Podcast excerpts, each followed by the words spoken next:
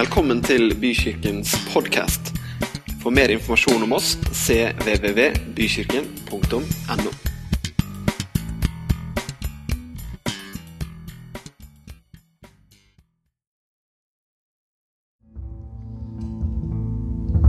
Og vi takker deg, Jesus. Skal vi ikke bare strekke hendene våre mot Jesus? Vi sang en sang før vi sang den her, som var 'Hvor stor er du, Gud'?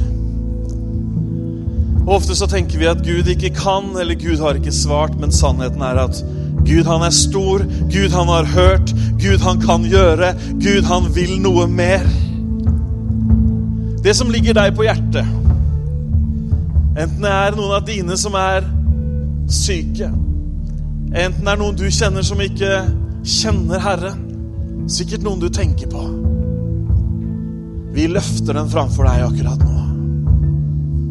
Herre, vi løfter opp alle de tingene som du kan gjøre noe med, Herre. Vi tar alle de tingene som ligger på hjertet vårt, Herre, alle de menneskene, alle de situasjonene. Og så sier vi at du er en stor Gud. Vi bekjenner vår tro, og vi sier at du er en stor Gud. Vi bekjenner vår tro og sier at det finnes ingenting som er umulig for deg. Og Derfor så priser vi deg, derfor så ærer vi deg, derfor så løfter vi deg opp, Herre. Å, Herre, jeg ber nå, Herre, for de familiemedlemmene, Herre, for de barna, for de ektefellene som ennå ikke har kommet til tro. Takk at du skal kalle på dem, Herre, nå. På, u, umu, på helt u, uforklarlig måte, Herre, så skal du kalle på dem, Herre. For du vil at alle mennesker skal bli frelst. Så takker vi deg, Herre, for at du er herre over all sykdom. Du er herre over alle plager. Og vi ber deg å gå i Jesu navn, for du er den største. Og vi ærer deg, Jesus. Halleluja! Halleluja!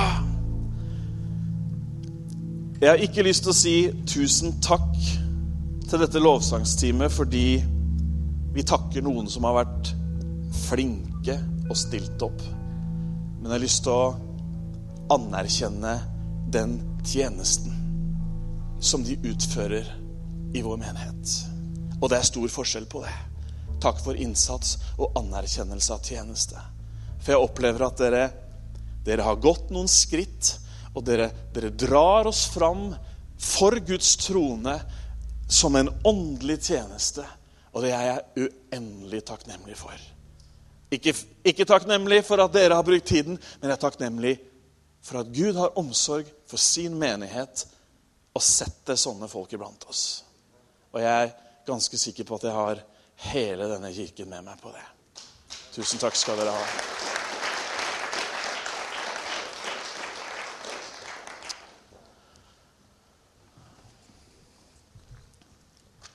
Det er uh, usedvanlig godt å se alle sammen. Jeg ser også noen som jeg ikke har sett før, og det er jo selvfølgelig uh, motorsykkelgjengen. Men det er noen andre jeg ikke har sett før også, og det, og det syns vi er veldig hyggelig. Vi opplever det hver eneste uke at det kommer nye mennesker. Og, og det er nemlig sånn at uh, er, Sånn skal det være. Sånn skal det være, for at det, Menigheten, kirken, den er et sted hvor dørene er åpne, og vi ønsker å ha åpne dører. Her er du faktisk velkommen uansett hvem du er. Uansett hva du måtte dra med deg av bagasje, så er du så utrolig velkommen til Bykirken. Kan du huske det videre i livet ditt? Kan du ta det med deg på den dårlige dagen eller den pyton-uka også? Nei, på Bykirken, dit kan jeg komme. Det ønsker vi virkelig. Du er velkommen uansett. Og så tror vi det at når du kommer, så får du en mulighet til å møte Gud. Til å høre ord fra Herren. Får mulighet til å møte mennesker som eh, gir av seg sjøl, og som deler sin historie. Jeg ble så velsigna av eh, Jørn, også han andre karen her i dag. Og det er så deilig å høre. Det er ingenting som et vitnesbyrd, en historie om hva Gud har gjort. står det i åpenbaringen. De seiret over ham, altså djevelen, i kraft av de ordene de vitnet, og lammets blod. Historien din kan ingen ta fra deg. Vi er jo så heldige at vi har motorsykler her hver søndag. vi, altså for deg som er her for første gang, Men det var litt eh, gjevt å ha så mange. Eh, vi er veldig glad for de, de, av dere som vi ser veldig ofte. Men det var veldig gøy å høre hvordan dere jobber. Og jeg tror mange fikk øynene kanskje litt opp også. Eh, over at dere er så tydelige, over at dere er så bevisste. Og den eh, misjonen, det oppdraget dere har, kommer til å øke. kommer til å bli flere land, kommer til å bli mange flere folk. Og historien om hvordan mennesker får møte Gud ved å møte dere, de kommer til å renne på. Veldig bra. Kult å se Vidar også. Vi har jo herja rundt i Italia for noen år siden. Vidar. Du kjørte buss, og jeg preka evangeliet, hvis ikke jeg husker feil. My, mye moro ble det av det. Jeg måtte se på ham to ganger når han kom inn, for han hadde tre meter lengre hår den gangen. Men både han og jeg er like unge i ansiktet. Og det er, det er vi kjempeglade for. Veldig glad for. Noen har fått den gaven. At det er kun håret som endrer seg. Jeg møtte en liten gutt når jeg jobba på skolen. Og Han kom bort til meg med en sånn inderlighet og alvor at jeg trodde at fire elever hadde omkommet i skolegården. Du, Bent Ove, du, Bent Ove. Han var helt der nede, liksom dunka meg i låret. Ja, sa jeg. Hva, hva er det, Jakob? Du er helt grå her, sånn. Jeg trodde, jeg trodde, virkelig det var noe annet han hadde på hjertet. Men jeg sto sikkert i lyset på en sånn måte at han fikk ny åpenbaring, rett og slett. Jeg vet ikke, men uh, Ja.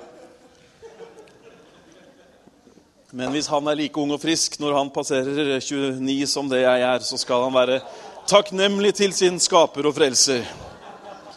Halleluja. oi, oi, oi. Nå hører jeg noen begynner å rope noe. Da stenger jeg det ørene med en gang. Jeg vet ikke hva det var i det hele tatt, men det var sikkert godt ment. Jeg er ganske overbevist om.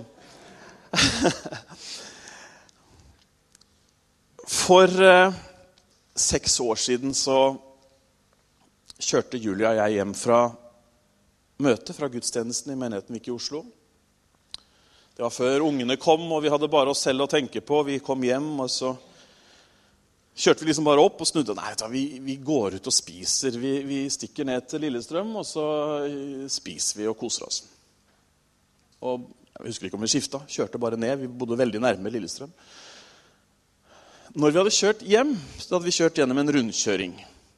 Og i den rundkjøringa så sto det en jente på kanskje ti år.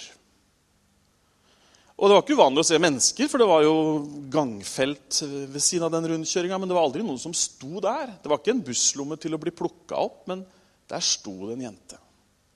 Det traff meg litt i hjertet akkurat når jeg kjørte forbi. tenkte, Hvorfor står hun der? tenkte jeg bare i min travelhet. Så kom vi ned fra der vi bodde, og så skulle vi da til samme rundkjøring.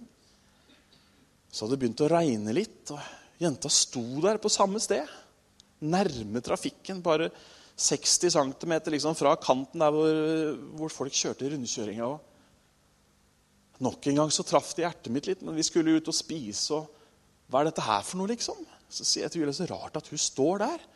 Men Det er sikkert noen som skal hente henne har en avtale. Men der sto hun litt sånn ja, Et ansiktsuttrykk som var litt sånn, så ikke ut som hun var helt avslappa. Så kjører vi fra rundkjøringen og over til Lillestrøm over broa. og Det er snakk om 300 meter. Så kommer vi til restauranten der vi skal ut, og så braker det løs. Det regner altså så sinnssykt at det var ikke aktuelt å gå fra bilen og, og, og 50 meter ned til restauranten, for da hadde vi vært søkk våte. Og så sier jeg bare til henne hva, vi kjører hjem. Og hvis hun jenta står der, hører jeg meg sjøl si, så må vi stoppe. Hun står der, søkkvåt, bilene suser. Der står denne ti års gamle jenta og bare stirrer tomt foran seg. jeg stopper bilen. Julia blir sittende i bilen når jeg går ut. Får kontakt med henne, men hun er ikke i stand til å si hvem hun er. Ikke si hvor gammel hun er, ikke hvorfor hun står her, ikke hvor hun kommer fra. Ingenting. Hun bare står der og er helt i sin egen verden. Jeg ringer politiet. De kommer veldig fort og tar med seg jenta. Og så kommer det en blomsterbukett. Vi tenker på denne jenta. Vi ber for denne jenta. Når vi kommer hjem, så kommer det en blomsterbukett etter et par-tre dager fra noen foreldre. Som da sikkert hadde fått opplyst hvem vi var, av, av politiet. Og takker for hjelpa. Og de vet, de vet fortsatt ingenting hva som har skjedd, men denne jenta har flytta seg nesten 10 km fra sitt hjemsted uten at hun vet det, eller uten at noen vet det. Og har da ja, er i en eller annen slags mental tilstand som gjorde at hun bare sto der helt forkommen. Jeg forteller ikke den historien fordi at jeg skal fremheve meg sjøl, og det må, du faktisk, det må, du faktisk, tro meg på. Hvis ikke du tror meg på det, så er det ditt problem. ok? Men det var mange biler som hadde passert. Det var fotgjengere som hadde passert også. Sjøl så passerte vi to ganger. Før det liksom gikk inn at jeg måtte gjøre noe. Før det gikk inn at nå har du et ansvar. Dette er et medmenneske. Dette er noen som trenger hjelp. Jeg skal snakke om noe i dag som eh, Bibelen er eh, veldig tydelig på. Som jeg må si at er en helt vesentlig del av det å være en kristen. Og Vi skal la dette være tema både i dag og et par søndager framover. Vi har kalt temaet for 'Den gode nabo'. Og det vi skal snakke om, er rett og slett naboen vår. Om ikke vår fysiske nabo, det kommer vi også inn på. Men vi skal, vi skal snakke om det som Bibelen snakker om som vår neste. Hm. Bli med meg til eh, Lukas kapittel 10.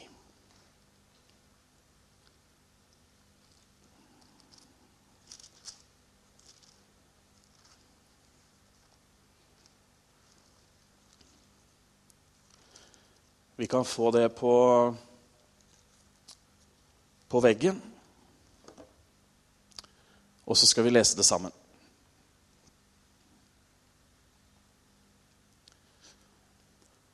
Det sto en lovkyndig fram og ville sette Jesus på prøve. Mester, sa han, hva skal jeg gjøre for å få evig liv? Hva står skrevet i loven? sa Jesus. Hva leser du der? Han svarte, du skal elske Herren din Gud av hele ditt hjerte og av hele din sjel og av all din forstand og av all din kraft og av all din forstand og din neste som deg selv. Jesus svarte, Da sa Jesus, 'Du svarte rett. Gjør det, så skal du leve.' Men den andre ville rettferdiggjøre seg og spurte, 'Hvem er så min neste?' Jesus tok opp spørsmålet og sa, 'En mann gikk fra Jerusalem ned til Jeriko.' Da falt han i hendene på røvere. De rev klærne av ham, skamslo ham og lot ham ligge der halvdød. Nå traff det seg slik at en prest kom samme veien. Han så ham, men gikk rett forbi. Det samme gjorde en levitt. Han kom, så mannen og gikk forbi. Men en samaritan som var på reise, kom også dit han lå, og da han fikk se ham, syntes han inderlig synd på han. Han gikk bort til han, helte olje og vin på sårene hans og forbandt dem, løftet ham opp på eselet sitt og tok ham med til et herberge og pleiet ham. Neste morgen tok han fram to denarer, ga dem til verten og sa, 'Sørg godt for ham, og må du legge ut mer, skal jeg betale deg når jeg kommer tilbake.' Hvem av disse tre synes du nå viste seg som en neste for han som ble overfalt av røvere? Han svarte, 'Den som viste barmhjertighet mot ham.' Da sa Jesus, 'Gå du bort og gjør likeså.' En veldig kjent historie som mange har hørt før. Begrepet er verdenskjent. Hjelpeorganisasjoner har tatt samaritannavnet og trykker det til, sin, eh, til sitt bryst. Denne neste som gjorde noe godt for en annen. De to første som kom forbi han, de var, gjorde nok rett i forhold til det som står her. Du skal elske Herren din Gud av hele ditt hjerte og av hele din sjel og av all din kraft og av all din forstand. Men når det kom til å elske sin neste som seg selv, så gjorde de ikke det. Et annet sted så står det i Bibelen at det nevnes en del av budene. Og så sier, Det står i Romerbrevet og det står i Galaterbrevet, så nevnes de ulike budene. Og så står det Men disse kan oppsummeres i disse ord. Du skal elske de neste som deg selv. Jeg ser for meg presten med drakten sin. Jeg ser for meg levitten med sine distinksjoner. Han var jo av en spesiell ett, levittene. De var eh, tempeltjenere og gjorde tjeneste. Og i litt sånn karikert tilstand så hadde de sikkert et stort kors rundt halsen. De hadde sikkert en flott drakt. Det var i hvert fall tydelig hva de var som gikk forbi. De var profesjonelle troende som kunne sitere Skriften.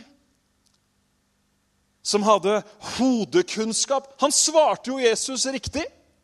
Fantastisk. Hadde rett svar. Hadde rett tro. Men så mangla han det viktigste.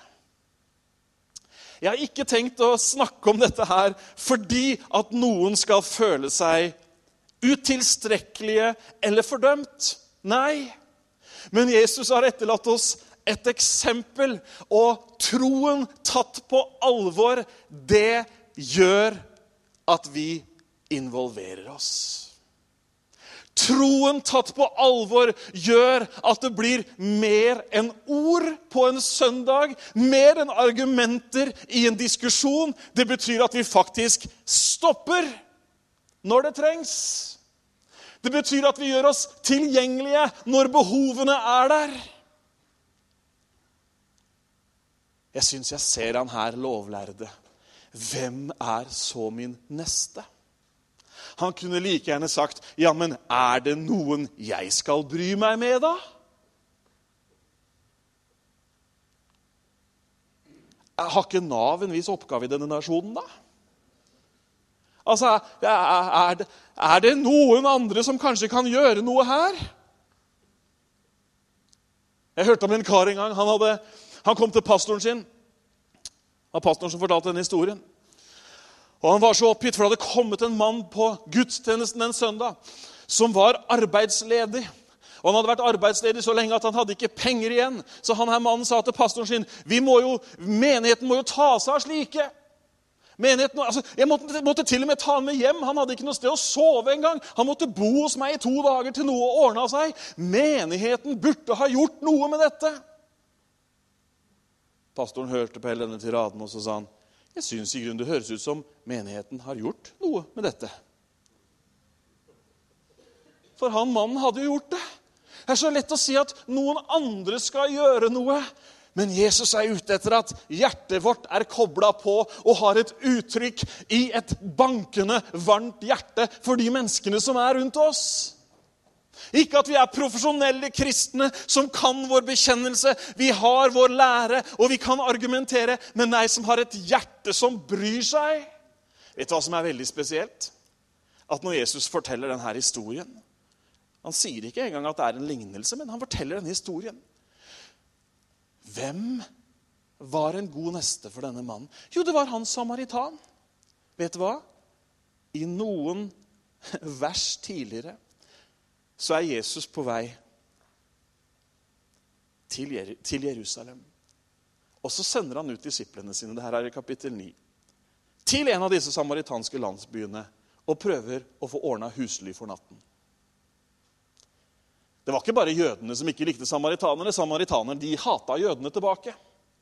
Det var begge veier skikkelig. Men de trengte et sted å være. Den der distansen de skulle gå, er ca. 28 km fra Jeriko til eh, Jerusalem. Så de trengte et sted å være, og Jesus sendte ut noen av disiplene sine. Men vet du hva? samaritanerne de ville ikke ha noe med Jesus å gjøre. De ville ikke la han få husly, og de rista støvet av seg og gikk videre. En kald skulder hadde Jesus fått fra samaritaneren. Og så bruker han akkurat han som eksempel på en god neste. Jesus er, Jesus er litt mer storsinna enn deg og meg.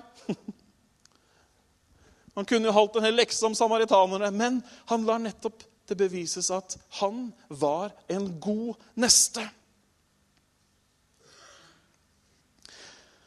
Bibelen er veldig opptatt av én ting, og det er at vår tro har frukt. Bibelen er veldig opptatt av at en tro uten gjerninger er en død tro. En tro som forskjellsbehandler folk, er heller ingenting verdt, sier Jakob i sitt brev. Og nok en gang, jeg sier dette for å oppmuntre oss til å gå helt inn i å være de representantene for Guds rike som det Gud har skapt oss til å være. Nemlig være en god neste for de rundt oss.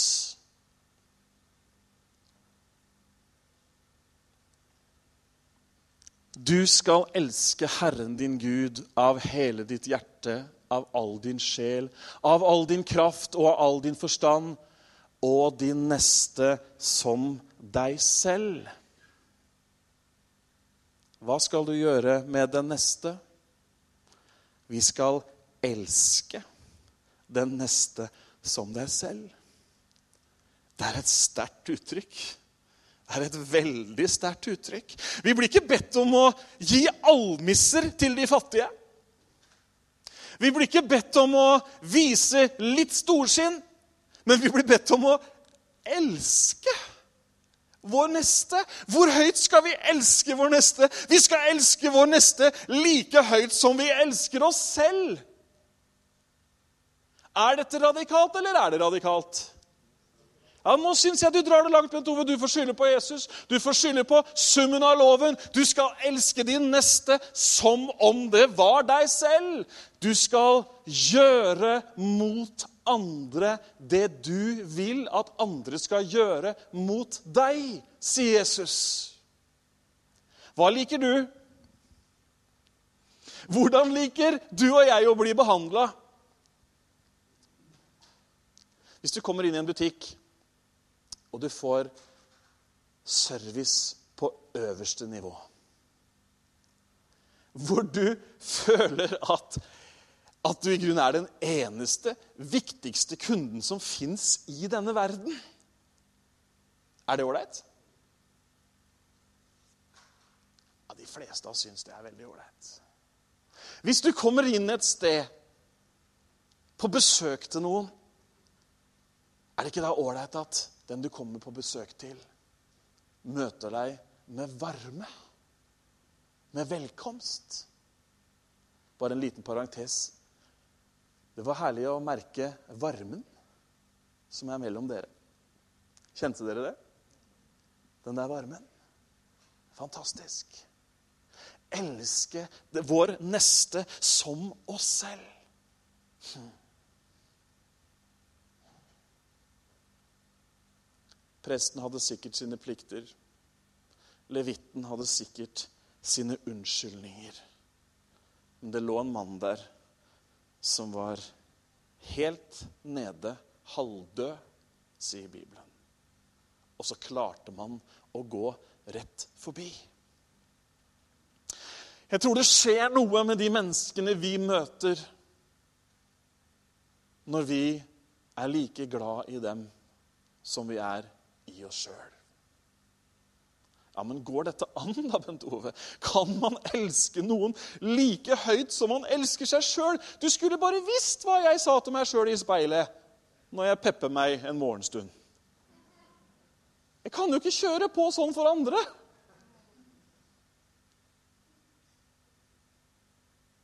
Det er mulig å vise den kjærligheten når man tar imot den kjærligheten fra Jesus. Når man fylles av hans kjærlighet, så er det mulig å møte mennesker på den samme måten.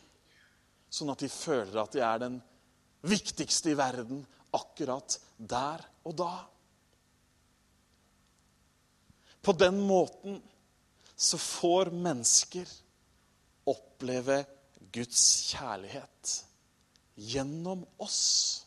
Gjennom deg, gjennom meg. Vi har et oppdrag å vise den kjærligheten for de menneskene rundt oss. Hmm.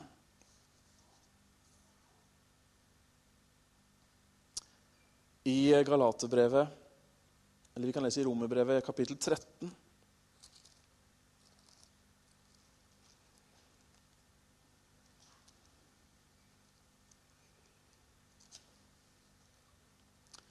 Og skal vi se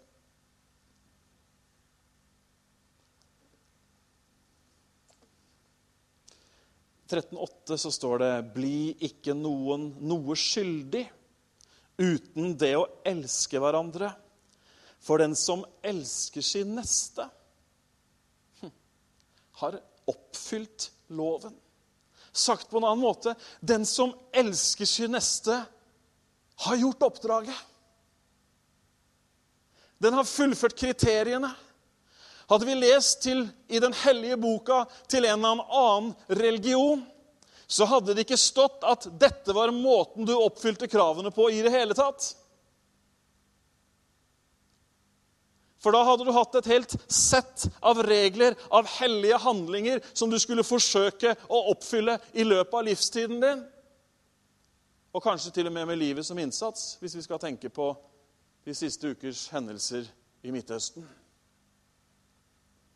Men summen, summen av Guds lov, summen av Bibelen, summen av det du og jeg skal gjøre på denne jorda, er elsk din neste som deg selv. Det inneholder mye. Det er kraftfullt. Og Guds rike vokser. Forbudene, det er i vers 9. Du skal ikke drive hor, du skal ikke slå i hjel, du skal ikke stjele, du skal ikke vitne falsk, du skal ikke begjære. Hvilket, og hvilket annet bud det skulle være, sier Paulus, blir alle sammenfattet i dette ord. Du skal elske din neste som deg selv. Kjærligheten gjør ikke nesten ondt. Kjærligheten er altså lovens oppfyllelse. Skjønner dere hvor viktig dette her er? Skjønner dere hvor kraftfullt det er? Gud har én ting på agendaen, og det er at mennesker skal få oppleve hans kjærlighet. Du lurte på hva Gud driver med, hva han har tenkt til. Gud han har én ting på agendaen, og det er at skapningen hans skal få komme inn i fellesskap med Han igjen.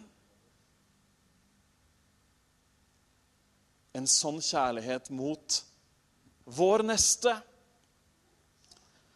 det er en åpen dør inn i Guds rike for vår neste. Hm. Det er da de sier at eh, Så hyggelig du er, her, eller noen snakka om her. De var så blide, eller de var så glade, eller du verden, liksom. Er det, er, det, er det i det hele tatt mulig? Går det ikke snart over? Er de like hyggelige hver gang? Kjærlighet kan, ha, kan gi uttrykk, eller ha, ha, ha så mange uttrykk. Men det skaper noe hos den som kommer inn gjennom døra. Og det er et møte med Guds plan. Det er et møte med Guds frelse. Det er veldig vanlig å bruke en overskrift i disse sammenhenger, eller når man snakker om dette, som er akkurat det som han her lovlærde sa. Hvem er så min neste? Det er totalt feil spørsmål. Det er helt banalt at han som en lovlærd og som kjente Skriften og alt, at man i det hele tatt stiller seg det spørsmålet. Og Jeg skal ikke stille deg det spørsmålet har du noe neste. Ja, du kan jo bare vri litt på nakkevirvlene, så er rommet fullt her. Spørsmålet som er interessant, er hva slags neste er jeg? Hva, hva, hvilket liv lever jeg? Hvilket lev, liv lever du og jeg i møte med andre? Og jeg lar meg forte med å si det med en eneste gang. Jeg vet, jeg vet, og jeg har så god kjennskap til veldig mange her, at jeg vet at det er mange, det er mye godt som blir gjort. Og det er jeg så glad for.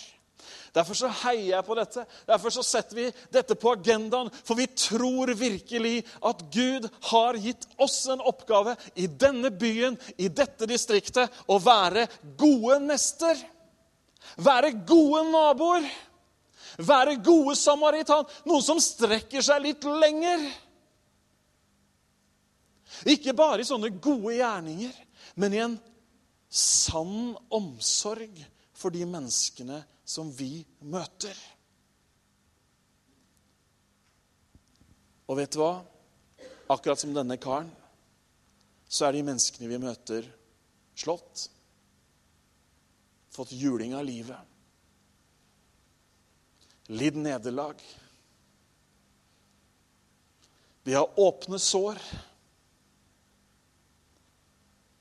Han her, gode samaritan, han helte vin og olje i sårene. Vinen som symboliserer renselse. Oljen som symboliserer legedom.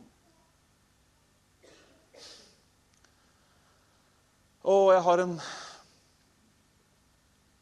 en drøm og et ønske om en kirke som er som han her mannen, som sier 'Jeg tar hånd om deg'. Jeg bærer deg, og jeg betaler til og med oppholdet ditt, sånn at du kan komme deg på beina igjen. Det er å elske sin neste som seg selv.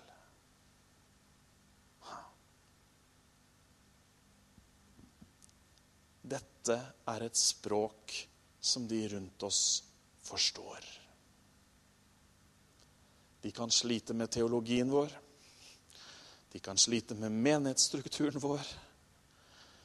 Og jeg tror mange river seg i håret i Norge i dag og sikkert andre steder, men det er jo her vi er, over endeløse diskusjoner i mediene.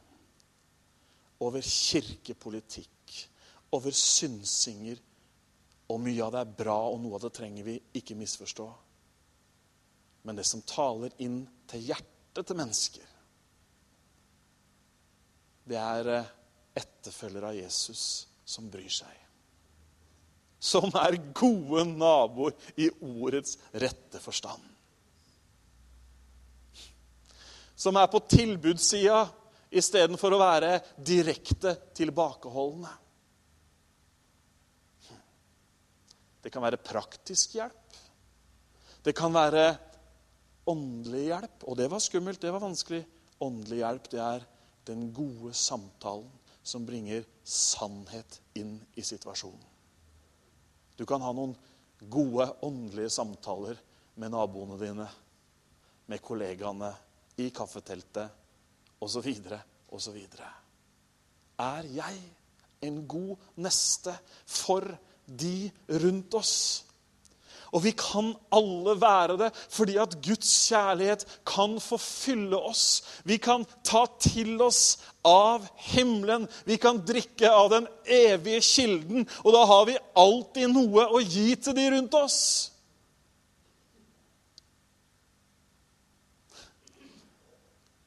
Uten sammenligning for øvrig så var jeg og en kamerat ute og kjørte for noen år siden i Nedre Langgata her i Tønsberg.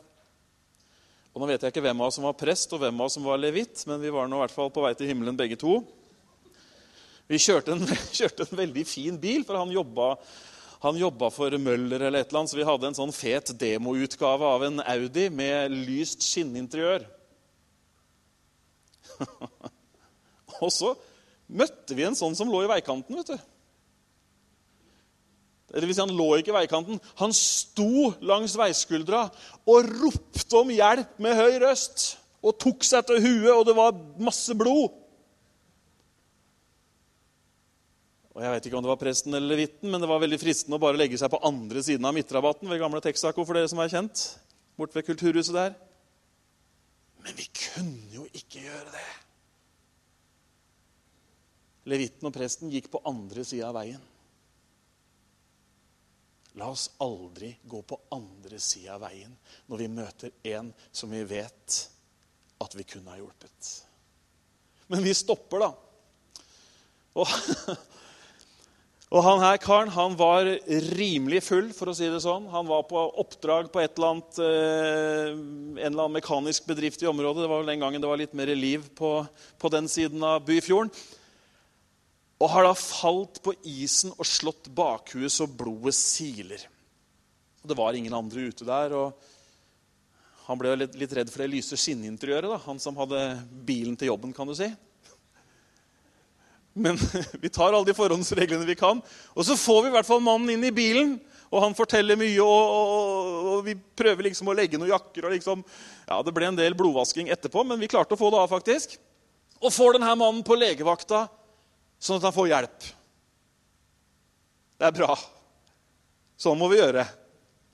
Nå vet jeg at eh, trafikallovgivningen regulerer dette. her. Hvis du ikke hjelper folk i nød, så kan du komme i, eh, komme i nød sjøl, kan du si. Og dette her er bare en historie.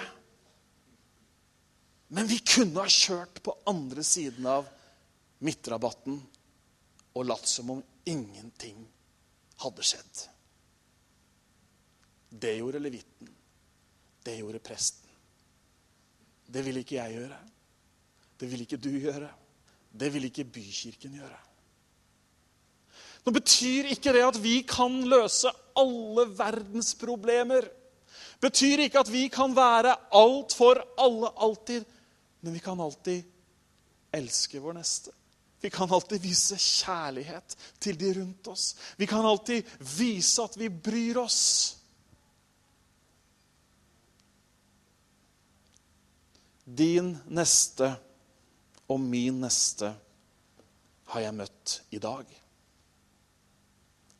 Jeg møter de i morgen, og jeg møter de hver eneste dag. Det kan være noen i familien min. Det kan være noen i gata. Det kan være det. Hvis vi skulle svare på spørsmålet 'Hvem er min neste?', så er det så lett å svare på det at vi trenger ikke engang å gjøre det. Det er alle de menneskene som vi på en eller annen måte møter. Som trenger Jesus. Som trenger å møte sin himmelske far. Og han er full av nåde.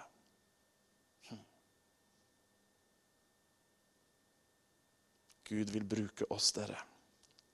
Er ikke det fantastisk? Gud vil at hans rike skal gå fram. Han vil det.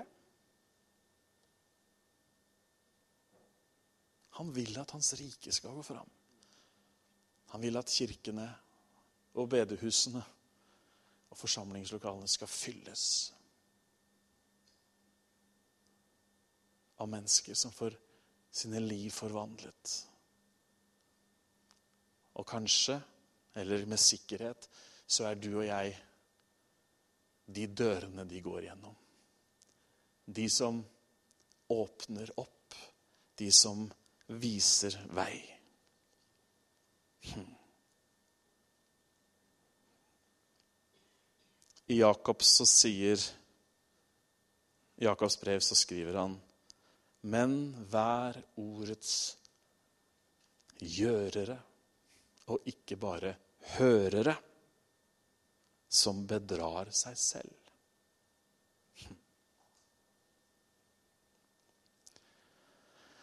Jeg syns det er litt godt når Guds ord utfordrer meg. Syns du?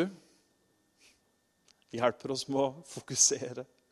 Hjelper oss med å prioritere hjelper oss med å bruke tiden vår på det som faktisk virkelig betyr noe. Hm.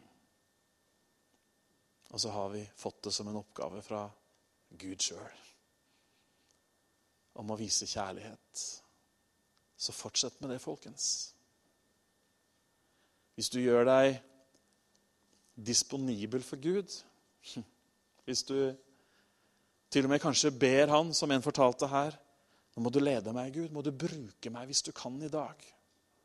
Kan det hende at eh, det blir enda flere som får oppleve Guds kjærlighet. Gud har så sterkt på hjertet sitt å nå mennesker.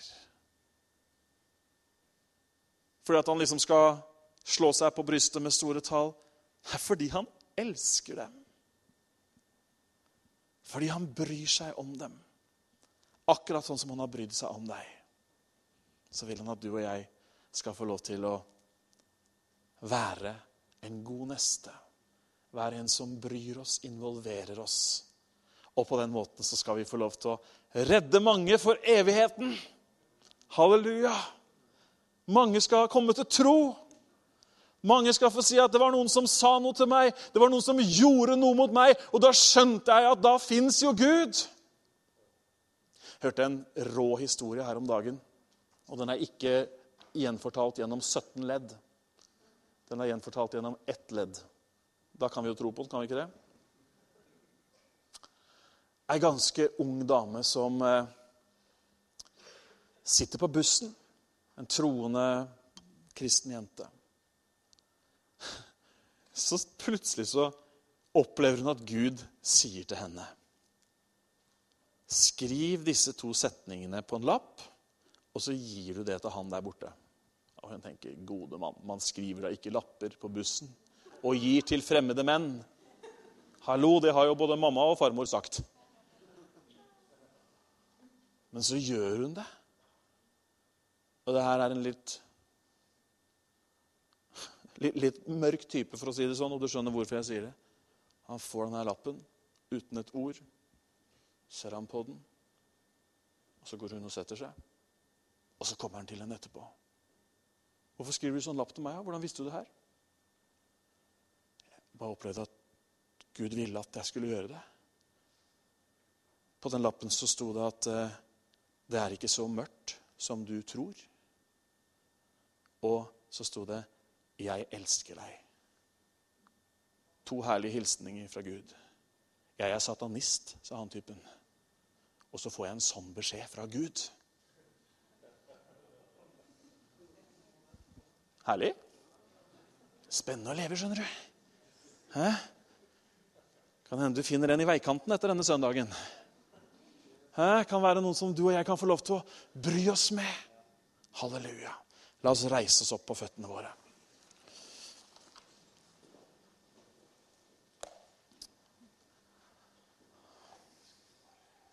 Å, Herre, vi takker deg. Takker deg for ditt eh, ord, Herre. Takker deg for eh, din klare tale til oss. Og Herre, vi eh, er så glad for at du har plassert oss i denne tiden, her hvor vi er, for at vi kan få lov til å gjøre tjeneste for deg. Og Nå ber vi deg, Herre, om eh, din hjelp i dagene som ligger foran oss. Til å ta deg på ordet gjøre som du har sagt, og på den måten være med på å utbre ditt rike. Forkynne din godhet, demonstrere din kjærlighet. Jeg takker deg for det i Jesu navn. Takker deg for det i Jesu navn.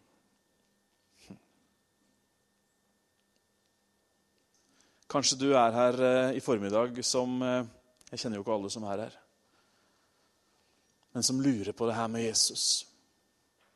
Som syns det virker interessant, men som ikke er liksom ikke har ikke, du, kan, du, kan, ikke si at du har tatt imot han, eller du kan ikke si at du er en kristen, men du kan si at du er på søken. I dag så kan du få lov til å ta imot Jesus som din. Som din frelser, som din herre og som blir din beste venn å følge gjennom livet. Og det er ikke vanskelig å ta imot Jesus. Det, de religiøse systemene har gjort det komplisert. Men Bibelen gjør det ikke komplisert. Bibelen sier at den som kaller på Jesu navn, den skal bli frelst. Den som ber han om å komme inn og tilgi syndene og starte på nytt, den får faktisk bli Guds barn. Og Hvis du er her og har lyst til å be den bønnen og ta imot Jesus i dag, vende deg bort fra det, det som har vært, og rette deg framover sammen med han, så skal vi be sammen. Og vi kan godt, bare sånn for å være litt private, så bare lukker vi øynene våre. Og så skal jeg be den bønnen, og så, men så vil jeg be deg om å gi et tegn til meg med hånda hvis jeg skal ta deg med i den bønnen i dag. Om å ta imot Jesus om å bli hans barn. Er det noen vi skal ta med i den bønnen? Gud velsigne deg. Er det flere vi skal ta med? Hm. Du har muligheten nå. Kan si ja til Jesus. Du skal ikke forbedre deg 100 hakk eller rydde opp i 3000 ting, men du kan ta imot Han. Er det flere? Herre, vi ber, og vi takker deg for at du tar imot alle dem som kommer til deg, Herre. Skal vi be sammen etter meg? Takk, kjære Jesus, for at du tilgir min synd. Du gir meg et helt nytt liv. Og ved troen på deg så er jeg på vei til himmelen. Du er min frelser. Du er min herre. Gå med meg resten av mitt liv. Amen. Hvis du ba den bønnen, enten du rakk opp hånda eller ikke, så har du invitert Jesus inn i livet ditt. Og det er det beste som går an å gjøre. Det gir livet mening, det gir livet retning, det gir livet svar. Og det gir en kraft som bærer igjennom alle utfordringer som kommer. Fantastisk. Halleluja. Skal vi ta en eh,